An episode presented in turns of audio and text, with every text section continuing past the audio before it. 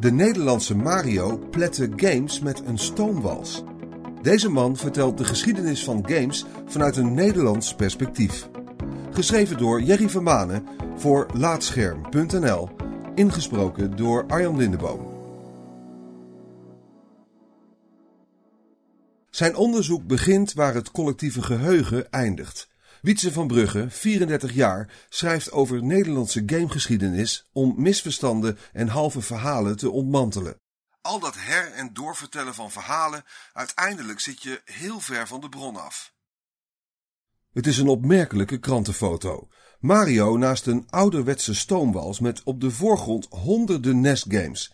Nintendo slaat terug, luidt het bovenschrift. Onder de foto wordt uitgelegd dat deze illegale en in beslag genomen games uit Hongkong op de luchthaven van Lelystad verpletterd worden. Het is een van de vele vondsten die Wietse van Brugge op zijn Twitter-account @gamegeschied met een D en blog gamegeschiedenis.nl plaatst. Ik herkende dit nog uit mijn jeugd, uit het officiële Nintendo-blad. Op zo'n moment ga ik verder kijken. Zijn er nog betere foto's te vinden? Ik dook in de krantenarchieven en kwam erachter dat Nintendo deze PR-actie ontzettend goed heeft aangepakt.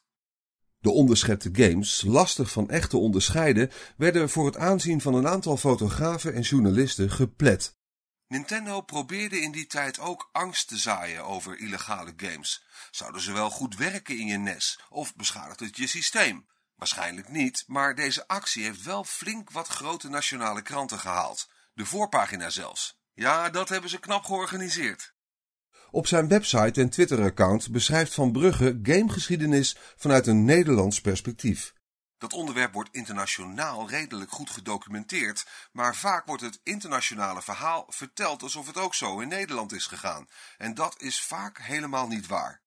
Daarom steekt Van Brugge een groot deel van zijn vrije tijd in het opsporen van deze opmerkelijke verhalen. Zijn zoektocht begint vaak in een van de vele archieven die Nederland rijk is. Denk aan instituten als de Koninklijke Bibliotheek en Beeld en Geluid, waar ontzettend veel materiaal bewaard wordt.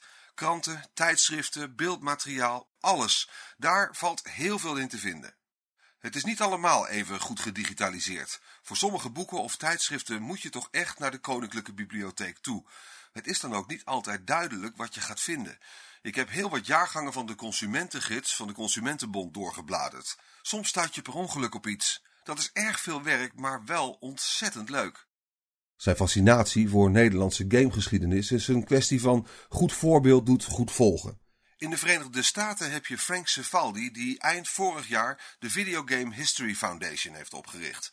Dat vind ik inspirerende figuren. Iemand met hart voor de zaak om al dit materiaal bewaard en gedocumenteerd te houden.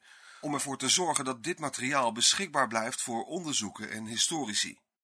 Over de game zelf maakt Van Brugge zich geen zorgen, die worden wel bewaard. In Nederland heeft Beeld en Geluid bijvoorbeeld een project draaien om games te preserveren die voor Nederland relevant zijn.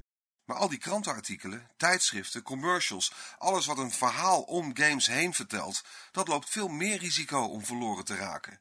Ik denk dat het ontzettend belangrijk materiaal is. Deze bronnen vertellen een vaak veel interessanter verhaal dan de game op zichzelf. Een goed voorbeeld daarvan is de rechtszaak tussen Atari en Philips over de gelijkenis tussen Pac-Man en Happelaar, de overduidelijk afgeleide mascotte van Philips. Van Brugge is bezig om dit proces stap voor stap te reconstrueren. Dat was een rechtszaak die in allerlei landen heeft gespeeld. Ik wilde dit uitzoeken omdat dit wordt beschouwd als een belangrijk keerpunt voor hoe we over copyright, auteursrecht en games nadenken. Atari klaagde Philips aan in verschillende landen. De Verenigde Staten, Duitsland, Nederland, waar dan ook. En niet altijd met het beoogde resultaat voor Atari. In Duitsland verloren ze de zaak en Happelaar mocht daar gewoon in de winkelschappen liggen. Dat was ook eerst het geval in Nederland. De rechter beoordeelde, nee hoor, dit lijkt helemaal niet op elkaar. Later werd het pas veranderd in hoger beroep. Atari kreeg toch zijn gelijk en Happelaar mocht niet meer worden verkocht.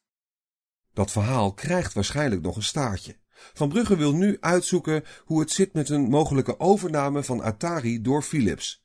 In de Verenigde Staten ging het heel slecht met Atari.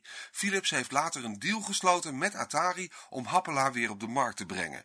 Mogelijk hebben deze twee zaken met elkaar te maken. Een andere opmerkelijke vondst van Van Brugge is de eerste recensie van de NES in Nederland. De gamehistoricus vond een knipsel uit het Parool uit 1987. En zover ik weet is dit de allereerste recensie. Van Brugge vervolgt. Wikipedia is fantastisch, maar zeker op het gebied van games is het vaak niet op de juiste bronnen gebaseerd. De NES is een goed voorbeeld van een systeem waarbij het onduidelijk is in welke periode die console is uitgekomen. Dat verschilt enorm per regio. Voor Nederland wordt vaak het jaar 1986 aangehouden, of soms zelfs 1985. Of schrijft men over een lancering in Europa in 1986. Maar als je in de bronnen duikt, dan is dat helemaal niet waar. Dat is waarschijnlijk veel later geweest en wisselend per regio. Wat ik heb kunnen vinden wijst erop dat het om het najaar van 1987 gaat. Van Brugge heeft nog talloze verhalen die hij wil uitzoeken. Maar ja, vind maar eens tijd naast je fulltime baan. Ja, er liggen nog veel goede verhalen, klaar om opgeraapt te worden. Het probleem met dit onderwerp is vaak om te zien waar ik moet stoppen. Er zijn zoveel invalshoeken te vinden, maar ik heb zeker nog wat verhalen op de plank liggen die eraan zitten te komen. Wij hopen op nog meer stoomwalsanekdotes en happelaarsoaps.